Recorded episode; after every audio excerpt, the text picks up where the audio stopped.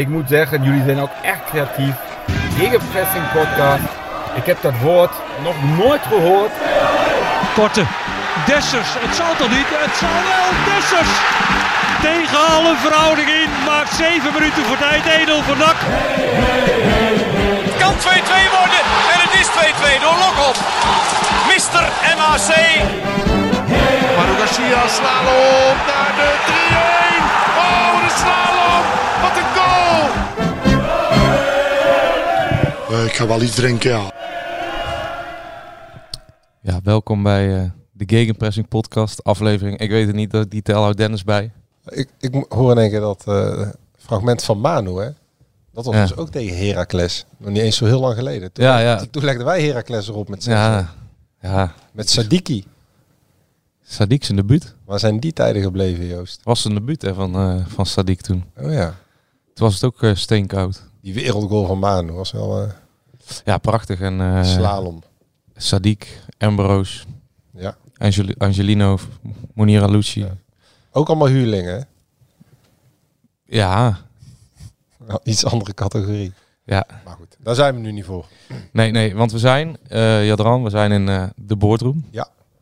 Zoals eh, Matthijs Manners dit prachtige, eh, eh, deze prachtige hoek van het Radverlegstadion ooit noemde. Het valt me nu pas op dat hij heel groen is, deze boordroom. Ja, De muren zijn groen. Ja, volgens mij hebben ze bij dat groen hebben ze het geel inmiddels weggehaald. Omdat iets te, Matthijs had iets te veel naar eigen, in- naar eigen idealen ingevuld. Maar eh, nee, ehm, ja, zitten naast het uitvak. Ja. Boven de fanshop. Die Oh, toren.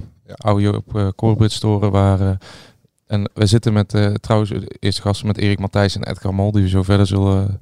De helft van het huidige managementteam, Joost. ja, welkom in ieder geval heren. Dankjewel. Dank je. Ik moet, jullie, jullie weten, dit waren altijd kleedkamers, denk ik, toch? Vroeger? Klopt. Van de jeugd. Toen eh, de Jumbo er nog niet was en, eh, en, de, en het oude trainingsveld die nog lag. waren twee velden, denk ik. Ja, of twee hele, dat weet John denk ik beter, maar Ja. ik heb niet het idee dat twee hele velden het was een half veld of zo. een half veld. Ja, ja, was half. ja, één, één, veld. Hè. Ja, ik heb wel eens nog wel eens mogen voetballen. voetballen, Ja, ja, ja. ja. Toen was, Peter, één, toen was Peter Remy keeperstrainer, weet ik nog wel. Omdat hij zo'n goede Ja. per in de polt had.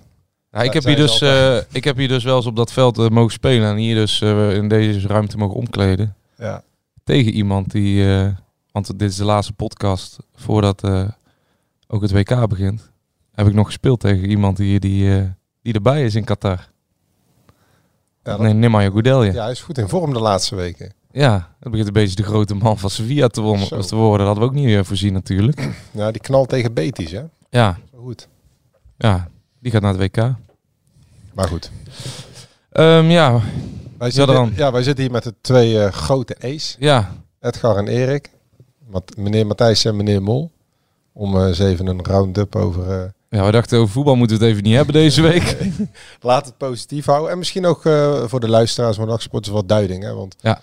eh, de laatste tijd is er wat eh, te doen om de financiën en de financiële positie van NAC. Nu zijn wij daar Ja. niet de mensen over, Joost, om daar heel gedetailleerd over te vertellen. Maar gelukkig hebben Edgar... Ja, jij, jij, jij sloeg wel een beetje de noodklok nog vorige week.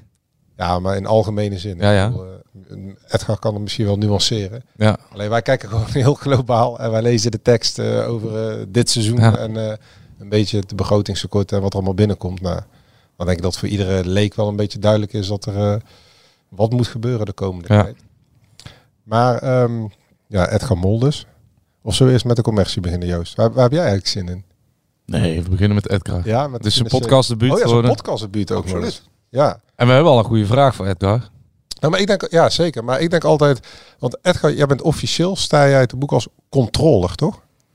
Controle, financieel manager. Ja. Ik luister overal naar. En jij bent bij alle uitwedstrijden. eh, de mensen binnen NAC, eh, de, de NAC-familie kennen jou natuurlijk wel. Eh, voor de buitenwereld ben je waarschijnlijk een, een grote onbekende. Maar misschien al vaker met accountants. Hè, die bewegen zich achter de schermen. Die houden toezicht op de cijfertjes. vind ik ook heel fijn. Ja, De voorwaarden voor dit soort gelegenheden Ja. niet in beeld. Hè. Dat, eh, Maar jij bent van, ook trouwens. van kinds af aan eh, eh, stroomt het geel-zwarte bloed door jouw eh, aderen. Ja, absoluut. Samen met eh, mijn vader en mijn twee eh, oudere broers naar de Beatrixstraat. Kijk aan. De goede oude tijd heb je nog meegemaakt. Parkeren achter het belastingkantoor.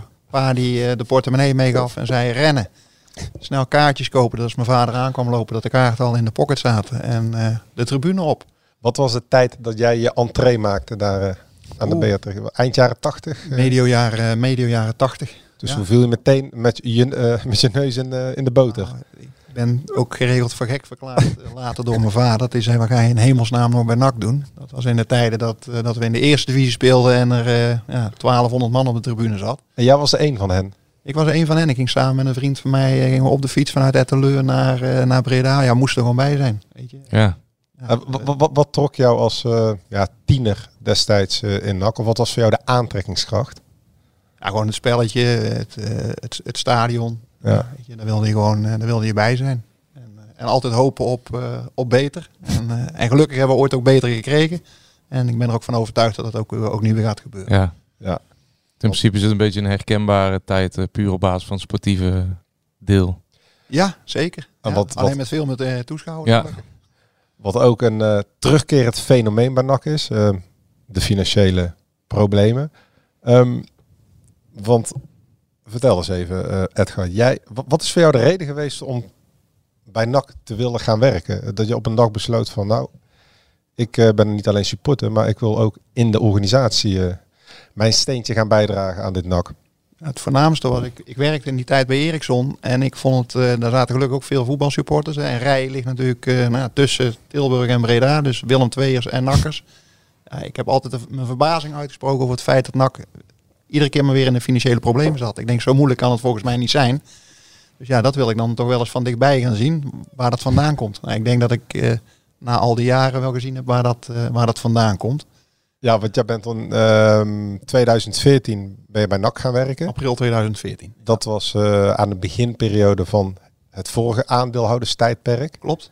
Hoe snel kwam je er al achter van... eh, ik begrijp wel waarom NAC altijd eh, moeite heeft om ehm, Nou, de financiën op orde te krijgen. Toen hadden we natuurlijk net de overgang naar waar de achtergestelde leningen werden omgezet naar aandelen. Ja. Dus toen leek NAC weer in ieder geval op weg naar, naar financieel gezond. Sterker, Want- ik denk ook dat dat toen die, die stap wel is gezet. Want eind 2000, als ik me goed heb, 11...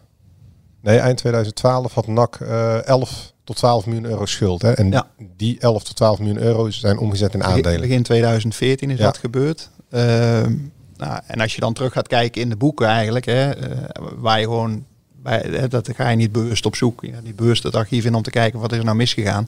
Alleen gaandeweg kom je allerlei eh, contracten tegen dat je denkt, ja, weet je, die, die begrijp ik wel. Eh, dat het dan misgaat. Eh, dan hebben we het bijvoorbeeld over spelerscontracten. Ja, met name ook spelerscontracten, ook andere contracten. Dat je denkt, ja, weet je, en ik snap ook wel, want ook nu halen we misschien wel de spelers waarvan je achteraf zegt, hadden we niet moeten Ja. doen. Alleen, ja, die hebben dan op een an, bij een andere club wel gepresteerd. Dus ik snap eh, de gok wel. Alleen, ja, je, je moet soms ook gewoon kijken naar je inkomsten. En als die niet in balans Kan je eens een voorbeeld geven van zo'n eh, situatie dat je op een eh, contract stuitte? eh, je hoeft er geen naam op te plakken, maar wa- waarvan jij dacht, ja, als we dit. Ja, dat is denk ik met dit soort details bij wijze van spreken op, op toevoegen. spelerscontracten. En dat gaat dan met name natuurlijk om, om salarissen die, die betaald worden. Je wil natuurlijk aanhaken. En NAC heeft natuurlijk ook een periode gehad dat het sportief gewoon ja, echt voor de wind ging. En dan wil je- 2007 tot 2010. En dan wil je aan blijven haken en dan ga je op investeren. En dan maak je ook wel eens verkeerde keuzes. En, en dat verwijt ik ook helemaal niemand. Alleen, ik, ik, ja. ik wil een paar namen die zijn eigenlijk wereldberoemd in Breda, Amoa en Leonardo. Die stonden eigenlijk, eh, tenminste, dat is eigenlijk een publiek geheim, die stonden voor een half miljoen op de loonlijst, 250.000 salaris en 250.000 tekengeld. En dat gedurende vier jaar tijd. Ja, die bedragen ken ik dan Nee. niet zo. Hè? Want eh, zo in detail heb ik het niet Mhm. gezien. Alleen, ja, In de tijdperk Mommers was dat. Ja, Ja. en daar zijn misschien wel dingen gebeurd waarvan je zegt, ja, dat had niet moeten gebeuren. En ik denk dat in de tijd, hè, ik, ik ben gestart onder Justin Goedzee als algemeen directeur, eh, ja, dat er veel meer realiteitszin eh, bij NAC is gekomen. En ik ben, het wordt misschien, misschien soms ook verweten, conservatief in, het, in het begroten. Alleen, ja, ik denk dat dat beter is Ja, dan gokken op een, eh, op een succes wat. En als het niet valt, dat je dan een groot probleem hebt. Maar door wie wordt jou dat verweten? Of wanneer hoor je dat wel eens? Dat, eh, ja, goh, die Edgar Mol die zat er maar. Nou, natuurlijk is het intern hè, Ja. vanuit, een, eh, vanuit een RVC. En dan, snap, en dan snap ik het ook. Alleen ja, ik, ik ben van huis uit opgevoed. Dat zijn, als je een euro hebt, kan je er ook maar één uitgeven. En, en dat probeer ik hier ook in te brengen. En ja, daar heb je wel een strijd over. Dat is ook goed. Dat mag ook. Ja. Hè, En soms moet ik misschien meer ondernemend zijn. Dat je denkt van ja, laten we de gok nemen. En daar kunnen Erik en ik dan ook leuk over sparren. En, eh, en daar komen we altijd wel aan uit. Alleen ik denk dat in het verleden, ja, laat ik zo zeggen, de financiële man in het verleden waarschijnlijk te vaak eh, het loodje heeft gelegd. Ja. eh, in die discussies. En, eh, nou, Maar is het dan bijvoorbeeld zo om het eh, te vertalen naar het veld, waar eh, iedereen eh, iedere twee weken naar het stadion voor komt? Als een, een trainer wil altijd betere spelers en die gaat dan naar, eh naar technisch directeur, hebben we al heel lang niet meer gehad in Breda, maar naar het technisch hart of de algemeen directeur en die zegt dan van ja prima en die gaat dan weer naar de RVC en uiteindelijk is de financiële man, jij in dit geval, degene die dan bepaalt of daar, laten we zeggen, 2, 3, 4 ton voor uit eh, kan worden gegeven. Nee, zo, zoals ik eigenlijk altijd schets, ik, ik, ik noem het een, eh, een, een mandje met appels. Hè, en die appels die zijn te verdelen. En eh, hoe ze ze willen verdelen, dat is aan de, aan de technisch directeur of aan het technisch hart. En het enige wat ik doe is uitleggen van hoeveel appels dat we nog hebben. En ja, eh, als we een speler willen halen die heel veel appels wil eten, ja, dan moeten we er ook nog heel veel hebben. Ja. En, en proberen vooral te begrijpen, oké, welke posities willen we nog invullen. En op die manier gevoel te krijgen van hoeveel appels dat we nog nodig hebben. En op die manier eh, ja, de technisch directeur, het technisch hart erop te attenderen. Van, ja, als we dit gaan doen, dan past het nog. Als we het op een andere manier gaan doen, past het niet. Maar jouw stem weegt wel ontzettend zwaar. Want als de RVC akkoord is, kun jij eh, in theorie nog zeggen van ehm eh Nee, dit gaan is, we niet doen. nee, nee, het, is, Nee. het zal altijd andersom zijn. Hè? Dus dat de technisch directeur en ik komen met het verhaal en leggen het weg bij, eh, bij de RVC. En de RVC bepaalt, die moeten daar een fiat op geven. Ja. Eh, maar ja, zeg maar de berekening, hè, dus de begroting. Hè, dus we werken gewoon met de vaste begroting. Daar moet het binnen passen. En wat ik daar zeg, hè, van ja, daarvoor moeten we weten welke posities willen Ja. we nog invullen. Moet dat ervaring zijn of moet dat een jonge speler zijn? En nou, na al die jaren denk ik dat ik een klein beetje weet hoe het dan hoe de salarissen zijn die daarbij passen. Ja, want hoe, hoe is dat om... ehm, je, je bent een soort van, eh, eh, van, van rustpunt in een wereld van opportunisme natuurlijk. Want op het moment dat een bal binnenkant paal gaat of buitenkant paal gaat, daar kan eh, eigenlijk jouw volledige jaar anders door worden. Ja, eens. En daar heb ik, eh, ik kan me de eerste degradatie tegen Roda nog herinneren. Eh, en ik kijk ook even Ja. naar Erik, want dat waren wij samen. En uiteindelijk zijn we toen eh, bij Justin thuis beland. En we gingen er redelijk in zak en as naartoe. Maar toen we naar buiten stapten, hadden we wel zoiets van ja, we gaan het met elkaar doen. En van die degradatie heb ik in die zin last gehad, want we moesten afscheid nemen van collega's. Dus dat deed wel, wel veel pijn natuurlijk, omdat je dat helemaal niet wil. Eh, alleen ik kan me nog herinneren dat de, het niet promoveren tegen Willem II heb ik hier als een eh, klein kind zitten janken. Omdat ik gewoon zoiets had van ja, weet je, en, en nu? Want je hebt je een jaar lang helemaal uit elkaar getrokken om, eh om Ja. promotie veilig te stellen. Dan lukt dat niet. En daar hebben we als kantoormedewerkers helemaal geen invloed op. Alleen toen maakte ik me wel zorgen over, ja, over en hoe nu verder? Ja. Dan, dat doet financieel iets. Ja, ook, ook echt twee wedstrijden die natuurlijk, je zegt is Rodi C dan Willem twee wedstrijden die op één moment in de slotminuut eh, ook de andere kant op hadden kunnen vallen bijvoorbeeld. Ja. En, en ja, dat, dat had je misschien in jouw vorige carrière eigenlijk eh, bij je andere werkgever misschien natuurlijk helemaal niet mee kunnen maken. Nee, nee, nee. Ik zeg al, hier verkopen emotie. En ik Ja. vind het knap dat, dat Erik en zijn team dat, eh, dat verkocht krijgen. Want ja, uiteindelijk is het net wat je zegt. Het is binnenkant, buitenkant paal. En dat is wat we verkopen. Dat is ook wat NAC zo mooi maakt. Maar Ehm, jij zegt, ehm, het doet wel wat met je als eh, het moment dat NAC niet promoveert eh, in de finale play-off tegen Willem II. Ehm, kun je eens uitleggen, eh, voor de begroting natuurlijk, maar het, het aloude verhaal hier, Goeds heeft dat al een paar keer gezegd, maar ook andere directeuren, is dat NAC in de eerste divisie geen sluitende begroting kan krijgen. Ehm, het is een beetje een abstract begrip natuurlijk, maar waarom lukt NAC dat niet? Als je gewoon kijkt naar de vaste kosten die we hebben. En als je ook gewoon ziet op vrijdagavond hoeveel mensen dat er hier op de tribune zitten. Dat is gewoon, eh, ja, dat is een eredivisie bezetting. Daar hoort ook gewoon een eredivisie huishouding bij. Hè. Eh, Je blijft bij dat kantoor niet royaal bezet is. Maar als je dat afzet tegen andere KKD-clubs, ja, dan zitten hier gewoon relatief veel mensen op kantoor. Ik denk even omgerekend dat het eh, niet meer dan 15 FTE zijn. Dus dat, ja, dat, dat is echt niet, eh, niet heel veel, denk ik.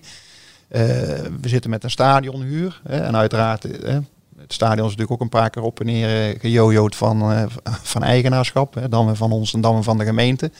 Dus ja, de vaste kosten van ons zijn, zijn gewoon hoog. En als wij zouden willen besparen, dan zit het met name in de personeelskosten. Maar als je dat gaat doen, raak je dus ook je spelersalarissen.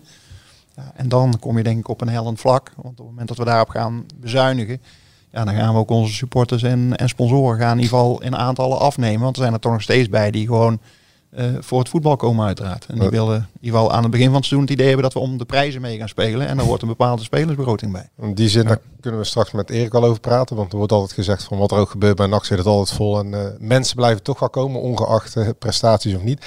Maar terugkomt op die vaste kosten. Als we het eh, een beetje in Jip en Janneke taal kunnen vertalen. NAC heeft over afgelopen seizoen bijvoorbeeld eh, iets meer dan 10 miljoen euro inkomsten gehad.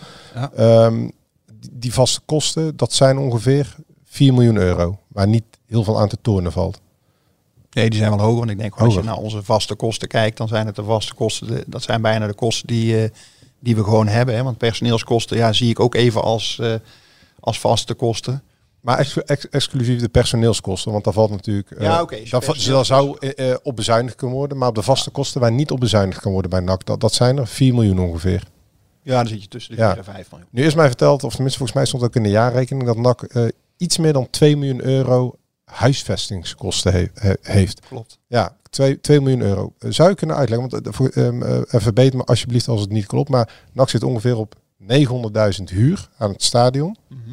Ehm, en 100.000 euro huur voor Zundert, voor het trainingscomplex. Dan heb je al een miljoen euro aan eh, huisvestingskosten. Waar zitten die andere eh, miljoen euro aan vaste huisvestingskosten in? We huren uiteraard ook nog eh, het complex voor de, voor de jeugd. Op jeugd- Op Boeimeer, daar moeten we ook huur voor betalen. Dan heb je nog te maken met gas, water, licht. Nou, dat, dat is een aanzienlijk, aanzienlijk bedrag. Mhm. met name de, de veldverwarming. Nou, we zijn er afgelopen jaar eh, zuinig mee omgesprongen. En gelukkig zijn we er niet voor eh, door in de problemen gekomen. In de zin dat alle wedstrijden gespeeld konden worden. Eh, daarnaast zitten we nog gewoon met onze onderhoudskosten. Dus we betalen huur aan het stadion. En nou, om het eenvoudig te houden, we hebben een voetbalgerelateerd en een niet voetbalgerelateerd deel. En een, voor het voetbalgerelateerde deel zijn we eigenlijk min of meer, even heel simpel gezegd, verantwoordelijk ook voor het onderhoud. Dus ja, die onderhoudskosten die komen daar, eh, daar uiteraard dan ook nog, nog bij. En NAC betaalt ook nog rente eh, aan de gemeente. Nee, nee, nee. Dat niet, In, nee. nou, in principe is, wij betalen een huursom en die bestaat uit, eh, uit drie componenten, waar een stukje kapitaalslasten in zitten. Ja. Ja. Ehm, dan zit je dus eh, aan die 2 miljoen euro. We hebben nu te maken natuurlijk met een eh, wereldwijde crisis, een gascrisis. Ehm, ook een hele simpele vraag. Heeft NAC bijvoorbeeld een variabel contract? Wordt NAC de het komende jaar misschien daardoor geraakt door het stijgen van de energiekosten? Of zit NAC goed? Eh, NAC zit vooralsnog goed, alleen aan ieder contract zit een eind. Dus ook Ja. eh, op het contract van NAC eh, zit een einddatum. Ik denk dat we daar redelijk goed op geanticipeerd hebben. Alleen ja, we weten natuurlijk ook niet wat, Ja, maar je ziet natuurlijk hoe bij, lang dit gaat duren. bij amateurclubs en ook bakkers hier bekend in Breda als een bakkerij Cotier die dan het loodje leggen. Maar dat komt NAC niet voor extra financiële kosten te staan. Het komende seizoen bijvoorbeeld.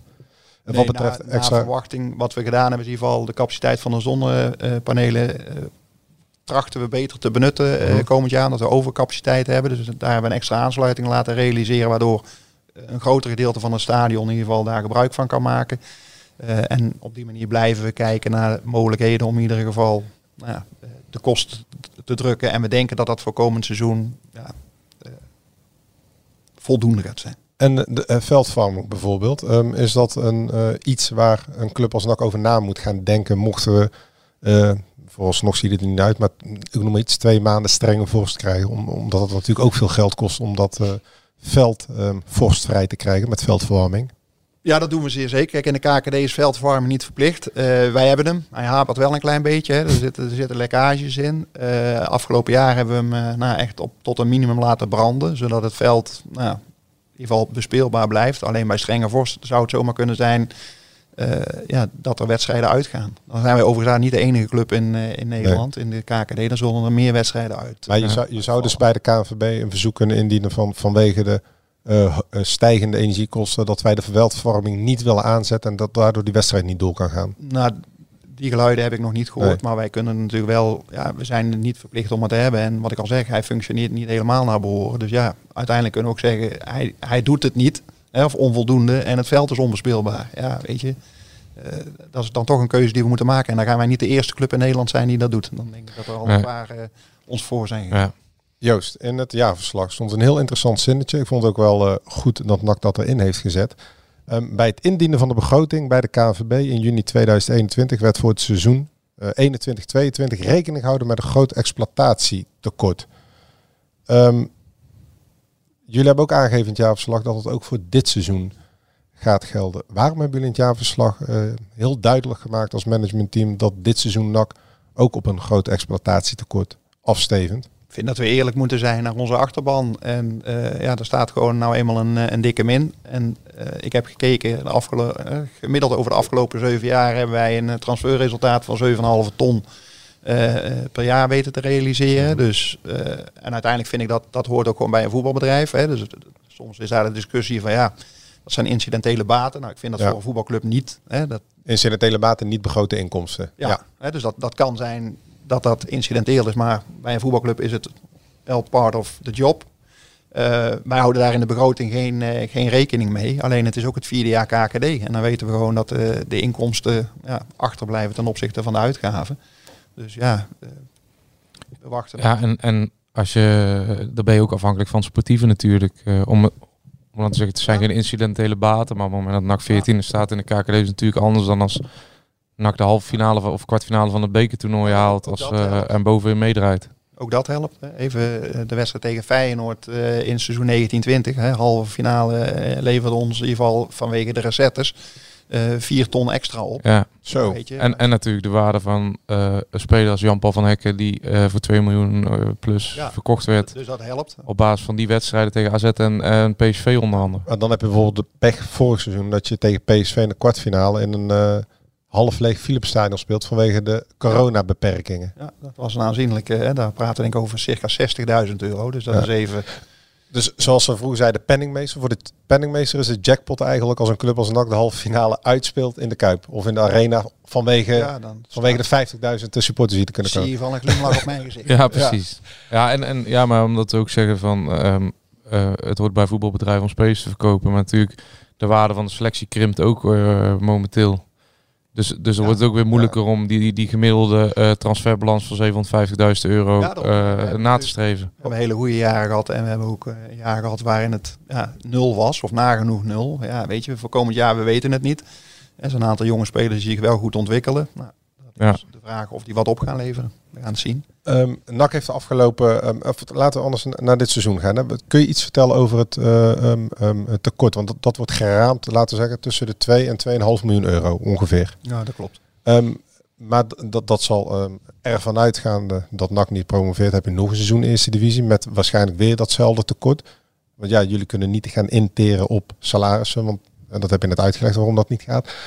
Baart jou dat zorgen als Ja. financiële man? Ja, afgelopen jaar was het voor mij een geruststellende gedachte toen de liquiditeitsbegroting uitgewerkt had. En zag dat we ieder geval ruim over zouden houden aan het einde van, eh, Mhm. van dit seizoen. Dat je gewoon weet, we kunnen de rekeningen blijven betalen. En het belangrijkste vind ik dat we niet ons handje op hoeven houden bij de aandeelhouders. En toen was het nog onduidelijk. We hadden een vermoeden wie het zouden gaan worden, maar het was nog geen eh, voldongen feit. Eh, dat is het nu wel. Alleen ja, tuurlijk, natuurlijk baart je dat, dat zorgen. En dan is het wel fijn om te weten dat we, de- hè, dat we nu nieuwe aandeelhouders hebben die daar ideeën bij hebben. Dus ja, in die zin maak ik me geen zorgen. Alleen het is fijner als je weet dat je het op eigen kracht kan doen. En dat gaat voor komend seizoen als we wederom in de KKD moeten spelen. En nogmaals, dat weten we nog niet. Er kan nog van alles gebeuren.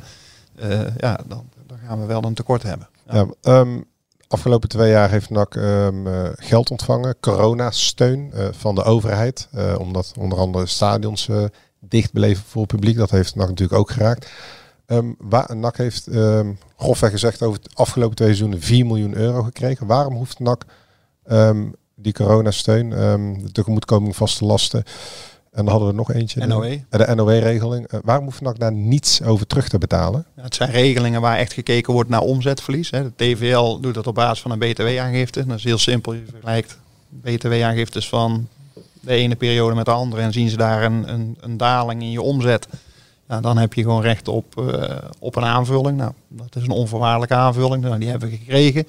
Eh, nou, dat, dat, die teruglopende omzet is ook te verklaren. Minder eh, sponsorgeld, minder inkomsten uit, uit losse tickets op de, op de publiekstribunes. En de NOW kijkt min of meer hetzelfde, alleen die kijkt naar een periode in, in 2019, na drie maanden van dat resultaat daar. En, en daar gebeurt hetzelfde. En op het moment dat je dus gewoon kan laten zien dat je een omzetverlies hebt en dat je loonkosten, hè, dat is wel belangrijk om te melden, je loonkosten moeten op hetzelfde niveau zijn gebleven. Hè. Dus er mag wel iets van fluctuatie in zitten, maar je mag niet bijvoorbeeld eh, afscheid nemen van zes mensen en zeggen, ja, we hebben wel omzetverlies. Maar dan zegt Ja. de overheid ook, ja, maar je hebt ook zes mensen minder om de loonlijst, dus krijg je minder steun. Nee, dus wij vallen steeds binnen de bandbreedtes. Eh, en ja, dan, dan is het steun waar je gewoon eh, recht op hebt. Ja, en dan heeft NAC ehm, ehm, ook afgerond 3,5 miljoen euro aan transfergeld ge- eh, ontvangen of gebeurd of verdiend. eh, waarvan twee, eh, ruim 2 miljoen van Jean-Paul van Hekken. Ehm, dat is bij elkaar 7,5 miljoen euro. Als we een beetje naar dit seizoen kijken, hoe kijk je daar als financiële man naar? Want NAC krijgt geen coronasteun meer. Ehm, er staat weinig transferwaarde op dit moment op het veld. Het, zoals het er nu uitziet, zijn er niet spelers die verkocht kunnen worden. Net als Tom Haaien voor 6 ton. Ehm, eh, eh, eh, ja, hoe kijk je daarnaar? Of- Want jij moet natuurlijk ook als financiële man proberen dat de eindjes aan elkaar worden geknoopt. Maar dat lijkt me ontzettend lastig als je ziet welke miljoenen nu wegvallen. Ehm mits er bijvoorbeeld een Banzuzi het tweede seizoen zelfs als een, eh, als een trein gaat. Maar vanuitgaande zoals het er nu voor staat, eh, gaat de speler niet natuurlijk voor veel geld verkocht worden. Ehm, Nou, kijk, voor dit seizoen hebben we het, eh, wat ik al zei, hè, daar hebben we een sluitende liquiditeitsbegroting. Dus daar hebben we, het is gewoon helemaal doorgerekend en weten we gewoon dat we ruim overhouden. Eh, eh, ik lees ook wel eens verhalen van, ja, men heeft het geld van Jean-Paul van Hekken er helemaal doorheen gejaagd. Nou, dat is pertinent niet waar. Dat is ook de reden dat we ook het vierde jaar KKD gewoon nog steeds op eigen kracht kunnen doen. Het feit dat we overheidssteun mislopen betekent ook, ja, gelukkig geen corona meer. Hè. Laten we hopen dat dat Ja. zo blijft. Mhm.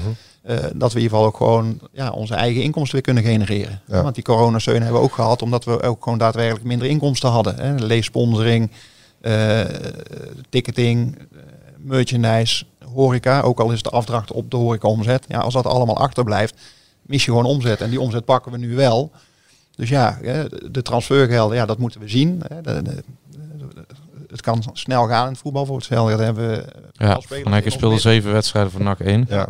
Dus, eh, Maar als, als we heel even kijken naar want de NAC, eh, op, welk verlies gaat NAC uitkomen voor dit seizoen? Dat, dat, dat gaat wel over een paar ton. Eh, want, dat, eh, want NAC heeft een eigen vermogen van 1,8 miljoen euro. En dat strepen we dan weg tegen het verwachte begrotingstekort van 2 tot 2,5 miljoen euro. Ja, ik, ik kijk, je gaf net aan tussen de Ja. 2 en 2,5 miljoen. En daar moet je die één jaar, dat verwacht ik dat dat inderdaad, daar, daar zal het eh, waarschijnlijk ergens tussen gaan zitten. En dan zou je ehm, theoretisch gezien, als we dan even niet de steun eh, van de aandeelhouders of een transferinkomsten meerekenen, op een negatief eigen vermogen kunnen uitkomen na dit seizoen van eh 6, 7 ton. Ja, dat is, hè, we, hebben eh, hiervoor al een keer met elkaar gezeten en dat was een lastig, eh, lastig Ja. rekensommetje. Eh, kijk, het, het eigen vermogen van NAC Breda, enkelvoudig is op dit moment inderdaad negatief. Alleen, daar zat ook nog een schuld in NAC Breda van 4,3 miljoen. Aan de vorige aan- aandeelhouders. Aan de ja. oudste maatschappij, dus aan de, aan de entiteit die voorheen de aandeelhouders of de aandelen in NAC Breda in bezit had. Nou, die schuld is kwijtgescholden. Wat ervoor zorgt dat we nu, zeg maar, as we speak, een, eh, een positief eigen vermogen hebben. Alleen als we daar weer een verlies van 2 tot 2,5 miljoen van af moeten halen, ja, dan zal het eigen vermogen op 30 juni 2023 negatief zijn. Ja. Maar ja, nogmaals, er kan nog heel veel gebeuren eh, voordat het, eh, het seizoen voorbij is. Maar is het, jij, jij bent een man van cijfertjes en eh, ook uiteraard NAC-supporter, maar is het niet frustrerend om te zien dat ehm eh, NAC in de eerste divisie eh, zijn eigen broek niet op kan houden en dat, dat die verliezen? Want volgens mij de eerste twee, drie jaar was het begrotingstekort 1 miljoen euro. In het vierde jaar gaan we naar, naar dubbele, naar 2 miljoen euro. V- Valt daar werkelijk waar niets tegen te doen, tegen, te- tegen die gaten die ehm, steeds maar oplopen in de begroting? Kijk naar de man eh, schuin tegenover me. Ja. Met die eh, vol aan de bak. Dat Ja, is een zware taak. snap ik niet dat hij hier zit. Eh, verkopen, stoeltjes verkopen. Nee, nee, ja, dus dat is eigenlijk, ja, dat, dat klinkt lastig, maar daar kan Erik straks meer over Ja. zeggen. Want ook, ook daar zit op een gegeven moment, bereiken we ook een plafond in de, in de Mhm. KKD. Eh, maar de, ja, de oplossing zit voor een deel aan de inkomstenkant, om te kijken van wat kunnen we daar maximaal uithalen.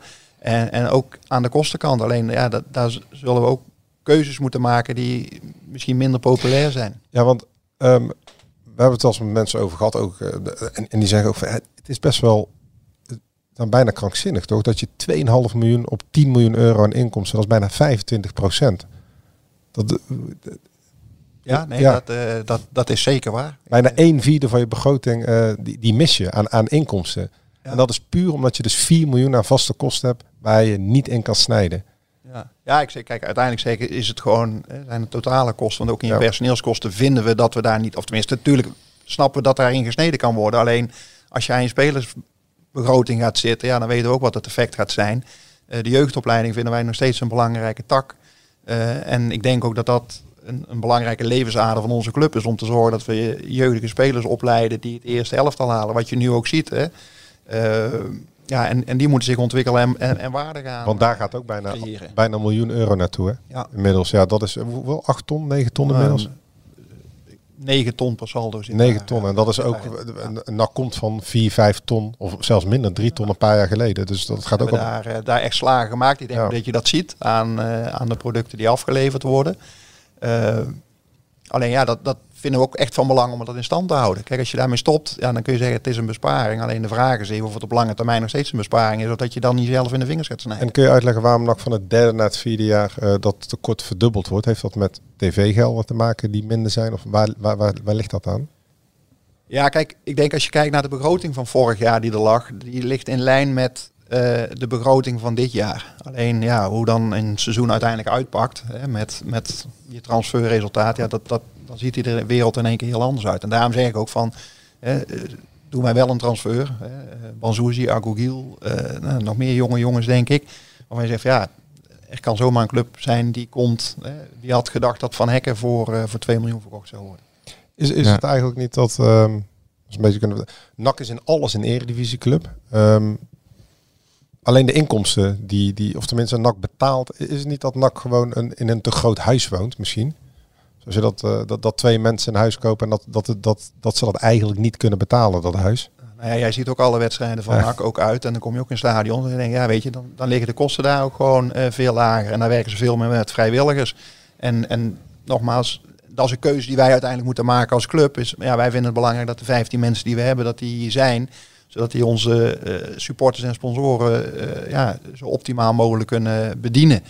Uh, ja, we zou, ook, zou kunnen zeggen, ja, we gaan afscheid nemen van een aantal mensen. Maar dat betekent ook dat het serviceniveau naar beneden gaat. Ja, zeg het maar. Joost, het sportieve deel. Want um, we schrijven het bijna iedere week. Wij kijken ook naar die wedstrijden. Supporters kijken naar die wedstrijden. En um, dat wordt ook door nog gezegd. Spelersbudget voor 2,5 miljoen euro. We zijn allemaal liefhebbers, niet per se kennis. Edgar, gaat nou werkelijk waar de selectie die nu staat dit seizoen, uh, um, is dat echt 2,5 miljoen euro uh, dat het aan salaris kost? Of zitten daar ook verborgen kosten in als afkoopsommen of andere kosten? Nee, dat is echt het totaalplaatje. Hè. Er zijn 28 contractspelers met alles wat daarbij hoort. Hè. Dus dat is het salaris, dat is het, zijn de sociale lasten, dat is het vakantiegeld, de auto, uh, makelaarsvergoedingen die we, die we kwijt zijn. Hè. Dus uh, ook de intermediairs van de, ja. van de, spelers. Dus ja, dat is al, alles wat, erbij, wat we voor de speler moeten betalen zit daarin. Dus afkoopsommen van uh, Andrea, die worden niet meegenomen? Nee.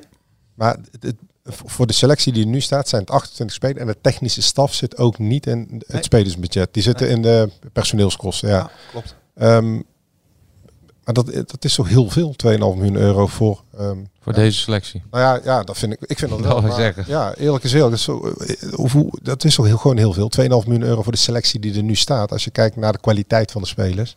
Ja, daar kun je natuurlijk niks over zeggen, maar... Nee, ja, weet je, nee. dat is inderdaad niet aan mij om daarover te oordelen. Ik denk gewoon als je 28 uh, contractspelers hebt... Uh, ja, dat 2,5 miljoen uh, bedrag is wat daarbij hoort. En ja, kijk, had ik ja. bovenaan gestaan, had iedereen gezegd, je hebt het fantastisch gedaan. En we staan nu helaas 14e en ja, dan, dan vinden we ja. 2,5 miljoen te veel. Maar ja, dat, ja, nou zeg je dat eigenlijk juist als opportunist die je eigenlijk niet bent. Als we bovenaan hadden gestaan. Ja. ja, maar weet je, uiteindelijk moet ik dat aan de technische mensen overlaten. Hè? En uh, ik vind er als supporter, uh, heb ik de discussies ja. met Erik op het moment dat hij met, of met Erik, als het technisch hard met een speler komt. Erik Helmonds, ja. En uh, dan zeg ik ook altijd van, joh, hè, dit is mijn supportersmening. En doe ermee wat je wilt. Nou, daar doen ze gelukkig niks mee. Ja. Maar misschien hadden ze dat wel moeten doen. Alleen ja, het is ook, weet je, en uh, dat heb ik ook wel geleerd. Op het moment dat de naam NAC valt, uh, dan gaan bij zaakwaarnemers ook meteen, nou ik zeg wel eens, dan zetten ze de verdubbelaar in. Want ja, we zijn nog steeds een grote club met een groot stadion. Dus er wordt ook gedacht van, ah, dat is al, daar is wel wat te halen. Uh, ja, en ja, maar er is ook 2,5 miljoen natuurlijk uitgegeven voor het spelersbudget. Dus er valt ook daadwerkelijk voor een eerste divisionist wel redelijk veel te halen. Het klinkt voor mij zo nogmaals. Surreal. Ja, uh, bijna onrealistisch dat spelers, uh, als we gewoon naar deze selectie kijken en hoeven niet uh, namen en mensen voor de bus te gooien, dat dat bij elkaar 2,5 miljoen euro kost. Voor de kwaliteit is echt heel veel. Ja, er zijn natuurlijk heel veel spelers ook die niet, niet spelen, die eh, relatief duur dat- zijn voor de eerste divisie. Dat betekent dus dat er gewoon spelers hierbij zitten die, nou dat weten we inmiddels wel, rond de anderhalf ton bruto per jaar verdienen. Bij NAC Eerste Divisie. Nou, die hebben niet. Nee, maar wat is nu het topsalaris? 120.000 euro ongeveer. Ja, dan, eh, dan Ja. dat echt de, de, echt de verre max. Dus de, de, de, het tijdperk dat, dat de spelers eh, in de eerste divisie bij NAC tussen de anderhalf en twee ton kregen, dat is van een paar jaar dat, is, geleden. eh, dat is verleden tijd. dat. En, en daar moet ik wel zeggen, daar, hebben we, hè, daar probeer je ook steeds meer realiteitszin in, in aan Mhm. te brengen. Alleen ja, weet je, uiteindelijk is het, ja, het, het is een spelletje wat je natuurlijk met elkaar speelt. Hè, wat alle clubs met elkaar spelen. Ja, je wil een bepaalde speler willen ze hebben. Ja. En dat wordt ook tegen elkaar uitgespeeld. Ja. En hoe, dat eh, is, daar komt dat mandje appels weer, eh, weer op tafel. Waarvan ik zeg, ja, weet je, dan is het aan het technisch hart om te bepalen ja, welke spelers willen we dan. En daar blijf ik, eh, daar mag ik gelukkig van wegblijven. Dan is het meer van ja, we, we moeten de posities invullen. En dit is wat we kunnen doen. Ja, en als zij daarvan zeggen, joh, dit zijn de spelers waarvan wij denken dat het, eh, dat het mee moet gebeuren. eh, ja, dan gaan we het daarmee doen. Zijn er 28 contractspelers niet heel veel? Ja, ik, ik vind dat eh, inderdaad veel. Hè? Eh, alleen ja, je- zit, daar zitten ook de jonge jongens in van de jeugdopleiding Mhm. hè, die een contract gekregen hebben. Dus dat is altijd weer de discussie. Ja, horen die er wel bij of horen die er niet Die bij? verdienen heel Ja, weinig. Voor mij Dat is- zijn de jonge Ja, jongens. voor mij is het vrij simpel. Hè? Eh, een contractspeler is een contractspeler. Je hebt ook natuurlijk jongens, ehm, eh, om ze even op te noemen, Antonia, eh Cagro, Chagro. Thiago, sorry, Rutte, Lijon. Dat zijn natuurlijk eh, juist geen jonge jongens die Ja. ook, eh, denk ik wel, redelijk eh Ja, dat zijn, reizig zullen zijn. dat zijn niet degene. En die ook niet spelen. Nee, en dat is dan, ja, dat is vervelend, maar ja, daar heb je mee te kampen. Ja, want als je kijkt naar de bank of, eh, eh, nou laten we zeggen gewoon de bank, eh, spe- spelers die kunnen spelen, dan zit daar soms nog wel meer salaris dan eh, wat er op het veld staat. Als je Ja, het inderdaad bij elkaar optelt. eh, ja. maar ja, dat- ik denk dat dat bij meer, tenminste daar zijn wij niet de enige club in. Laten we, Joost, het persbericht afgelopen vrijdag over de bestuursbenoemingen. Daar stond ook een zinnetje in ehm, van NAC is Breda. Hè. Er een zinnetje in dat eh, de aandeelhouders eh, dit seizoen en volgend seizoen garant staan eh, voor de tekorten, om de tekorten te dekken. Ehm, nu ben jij onze financiële expert bij NAC. Is het niet zo dat bij een overname sowieso de nieuwe eigenaren voor drie jaar garant moeten staan voor de tekorten die eventueel wel of niet optreden? Eh, mij niet bekend. Nee. Dat, voor mij, dat zou voor mij ook nieuw zijn, maar nee. nee. Maar als jij dat zo leest, dan betekent dus dat NAC, ehm, ehm, ja, het klinkt misschien een beetje gek, maar sowieso financieel gezond zal zijn voor dit seizoen en volgend seizoen. Ondanks, want zij gaan garant staan voor alle tekorten en, en, en schulden. En, ehm, dus dat NAC gewoon op. Ja, nou, met, de, met de kanttekening, daar zijn natuurlijk wel eh, spelregels voor afgesproken en, eh, en, Ja. en bedragen. Eh, maar inderdaad, het is, nou, ik denk voor de organisatie fijn hè, dat we weten we- waar we aan toe zijn. Maar dan nog is het. Eh, Maar dat betekent, eh, betekent dat dan niet vrij vertaald ehm, dat er voor volgend seizoen enorm veel druk op staat, omdat die garantiestelling nog ni- niet is afgegeven voor het eh, jaar eh 24. nou, dan moet ik even 25. corrigeren. Hè. Dus dit jaar redden wij zelf. Dus Ja. Daar hebben wij geen garantstelling voor nodig. En dan de twee jaar daarna staan eh, de aandeelhouders garant voor. Dus voor seizoen 23, 24 en 24, 25 staan de aandeelhouders in principe garant. Maar ik denk dat hoe dan ook iedereen eh, hier intern de druk voelt. Eh, ja, dat, dat, ja, dat we zo snel mogelijk terug moeten naar de eredivisie. Maar- Eh, dat is wel heel veel geld waar zij garant voor staan. Want eh, hoe langer NAC niet uit de eerste divisie komt, hoe langer dat duurt, hoe meer geld er moet, bij, moet worden bijgelegd om die tekorten te... En dan hebben we nog niet eens over het, natuurlijk het investeringsmodel richting de spelersgroep. Dat, dat- we hebben het over ettelijke miljoenen natuurlijk. Ja, nee, absoluut. Ja. Maar heb jij, daar, eh, heb jij geloof daarin ehm, dat, eh, dat is de vraag die nu een beetje opdoet, hè, dat NAC is Breda, of laten we zeggen hoofdinvesteerder Karel Vrolijk, ehm, ehm, dat die diepe zakken heeft en daar ook eh, daadwerkelijk mee over de brug wil komen de komende jaren. Nou, de- de- dat eerste, die vraag kan ik niet beantwoorden. Ja. Want heel simpel, ik, eh, ik, ik, ik weet Ja, niet wat geen inzage in zijn, eh, in zijn inzage financiën. in. Eh, tweede, ik heb er veel vertrouwen in, in, in, in de koers die nu is eh, ingezet. Eh, dat is doordacht. Eh, ja, dan moeten we nu moeten gewoon geduld hebben. En, Maar heb jij dat financieel, waarom heb jij in het financiële plan vertrouwen? Want bijvoorbeeld in het voetbaltechnische plan wordt gezet, hè, de, spelers moeten drie, eh, de selectie moet drie spelers hebben met een transferwaarde in de toekomst met, van tenminste 700.000 euro. Dat is fors. Dat kan, in de eerste divisie kan NAC dat eigenlijk niet realiseren. Nee. Ehm, de, waarop is jouw vertrouwen gebaseerd dat NAC financieel met dit plan ehm, een goede eh, financiële toekomst tegemoet gaat. Nou kijk, de, voor de twee seizoenen na dit seizoen eh, is een garantie afgegeven. Hè, wat ik al zeg, met bepaalde eh, kaders. Nou oké, ik denk dat we binnen die kaders prima kunnen opereren. Ja, en dan uiteindelijk gewoon het, het plan wat erachter ligt, het idee. Ja, da- daar moet ik vertrouwen in hebben. En als Ja. we dat niet zou hebben, dan, dan moet ik hier niet meer zitten. Dus ik heb daar gewoon vertrouwen in dat we met elkaar eh, de goede weg in eh, inslaan. En nogmaals, dat, hebben we, dat vertrouwen had ik in het verleden ook. En eh, ja, En, en dat is met behoud van het huidige spelersbudget voor de komende twee jaren. ja, sterker. Ik denk dat, dat zij hebben aangegeven ook te, te willen investeren in, in het spelersbudget.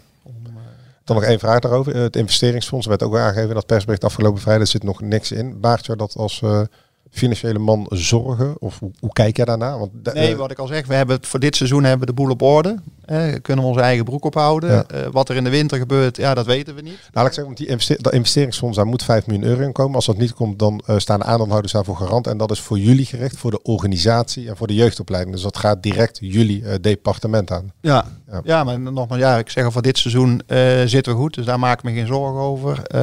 Nou, wij worden als MT goed op de hoogte gehouden van de, van de ontwikkelingen. Ik heb er vertrouwen in. eh, eh, ik denk dat er afgelopen eh, donderdag was het, zeg, ja, een hele grote stap gezet, denk ik, met, eh, met het aankondigen van alle namen. En ik denk dat het nu, nou, zou het wel eens in de stroomversnelling kunnen raken.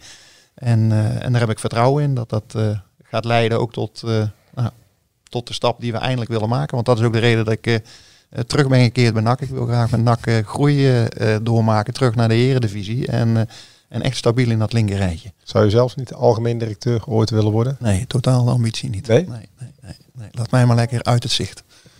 Beter voor iedereen ook. Je hebt Nou. daar, eh, tot slot, je hebt daar nog een, een mooi vel voor je liggen met allerlei cijfertjes. Ehm, Ik was op alles voorbereid. eh, Oké. Ja. Wat hebben we nog niet eh, behandeld wat je wel graag misschien eh, zou willen toelichten, ook eh, richting de Nee, supporters mij natuurlijk. Alles, eh, alles is besproken. Ja, Ja. nogmaals, ik, eh, Dus het, het, het- ik heb het eh, in het eerdere gesprek wat ik met jou gehad Ja. heb, heb ik het gezegd. Hè, het is fragiel, stabiel. Hè, Ja. Dus eh, ja, we zijn eigenlijk gewoon financieel gezond als je er zo naar kijkt. Hè. Ook gewoon eh, voor de richtlijnen van de KNVB zijn wij een financieel gezonde club. Alleen, ja, wij weten ook, we moeten eerlijk zijn, als we in de KKD spelen, ja, dan hebben wij het eh, eh, zwaar. Hè. Dan, dan, dan, Ja, dreigt, dan dreigt er een fors Ja. tekort. En dan kan je in één keer van een positief eigen vermogen weer terugslaan naar een negatief eigen vermogen. En ja, we moeten vet op de botten gaan. eh, gaan En dat tekort kan NAC alleen eh, dekken met transfers, hè, met het verkopen van spelers wat eh, inherent is aan de voetballerij. En als dat niet lukt, met hulp van de clubeigenaren, de aandeelhouders. Dat, dat zijn de twee wegen om die tekorten op dit moment te dekken. Waarbij ik een absolute voorkeur heb, maar ik denk iedereen hier intern voor de eerste. Ja, en ik denk, is een conclusie dat jij als financiële man alles in balans kan krijgen met inkomsten en uitgaven als NAC promoveert naar de eredivisie. Dat dat eigenlijk het podium is dat, waar eh, NAC financieel wel gezond kan Als opereren. wij in de eredivisie spelen, dan Is eh er ja, weinig aan de mijn, mijn eer daarna om een, eh, ja, dan moeten we gewoon een sluitende begroting overleggen. Zonder transfers Ja. en de hulp van aandeelhouders. Ja, Ja. gewoon weten van, joh, dit is het en alles wat we dan extra doen is, eh, is extra. En dat hebben we in het verleden ook gewoon bewezen. Hè. Dus het is ook in de jaren in de Eredivisie hebben we dat ook gewoon laten zien Ja. dat dat kan. En eh, ik denk Maar- dat Ja. de mensen die er zitten, want dat, nogmaals, dat doe ik niet alleen, hè, dat doen we met z'n allen. Eh, heb ik ook een overtuiging dat dat... eh, Ja, en dan komen we toch weer terug op het veld. Dat, het, eh, Nou, dat- dat jij toch afhankelijk bent. eh, Het is wel gerechtvaardigd om te stellen dat er enorme druk ligt natuurlijk op het sportieve deel. Want NAC moet gewoon naar de eredivisie in alle opzichten. Ja. voor iedereen leuker. zullen we eens kijken wat John ervan vindt? Oh, ik dacht we gaan naar Erik, maar naar John. Oh ja, kwart over drie. Potverdikkie. So sorry Erik. Zoom was, het oude stadion was denk ik de beste kroeg van Breda. Eh, eh, 11.000 man op de tribune eh, die ons steunen en die de tegenstander eh, haten. En daarna gaan we met z'n allen eh, lekker bier drinken. Zo, zo ervaarde ik het avondje nak. Kletsen met Karel. Over de sores van de Pagel.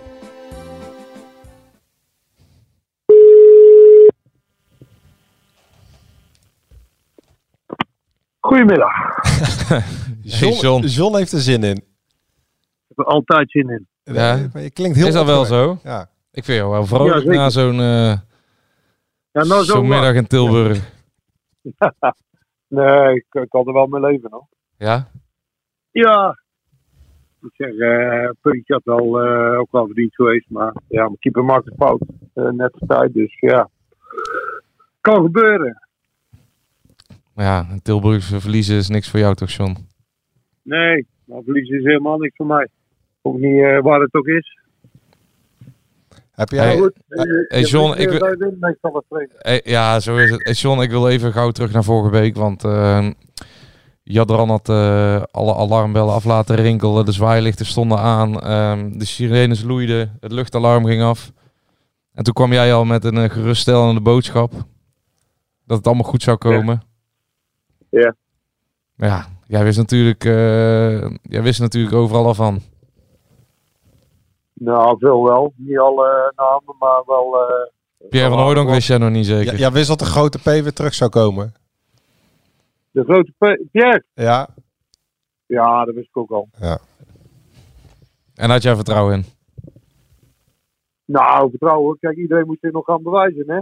Ik kan wel zeggen van, eh, dat, eh, dat, eh, dat is altijd. Er komen er nieuwe mensen en dan eh, roept iedereen ook van de, van de toren van eh, geweldig dit en geweldig dat. Ja, ik denk van eerst allemaal eens even je ding doen en eerst eens even presteren.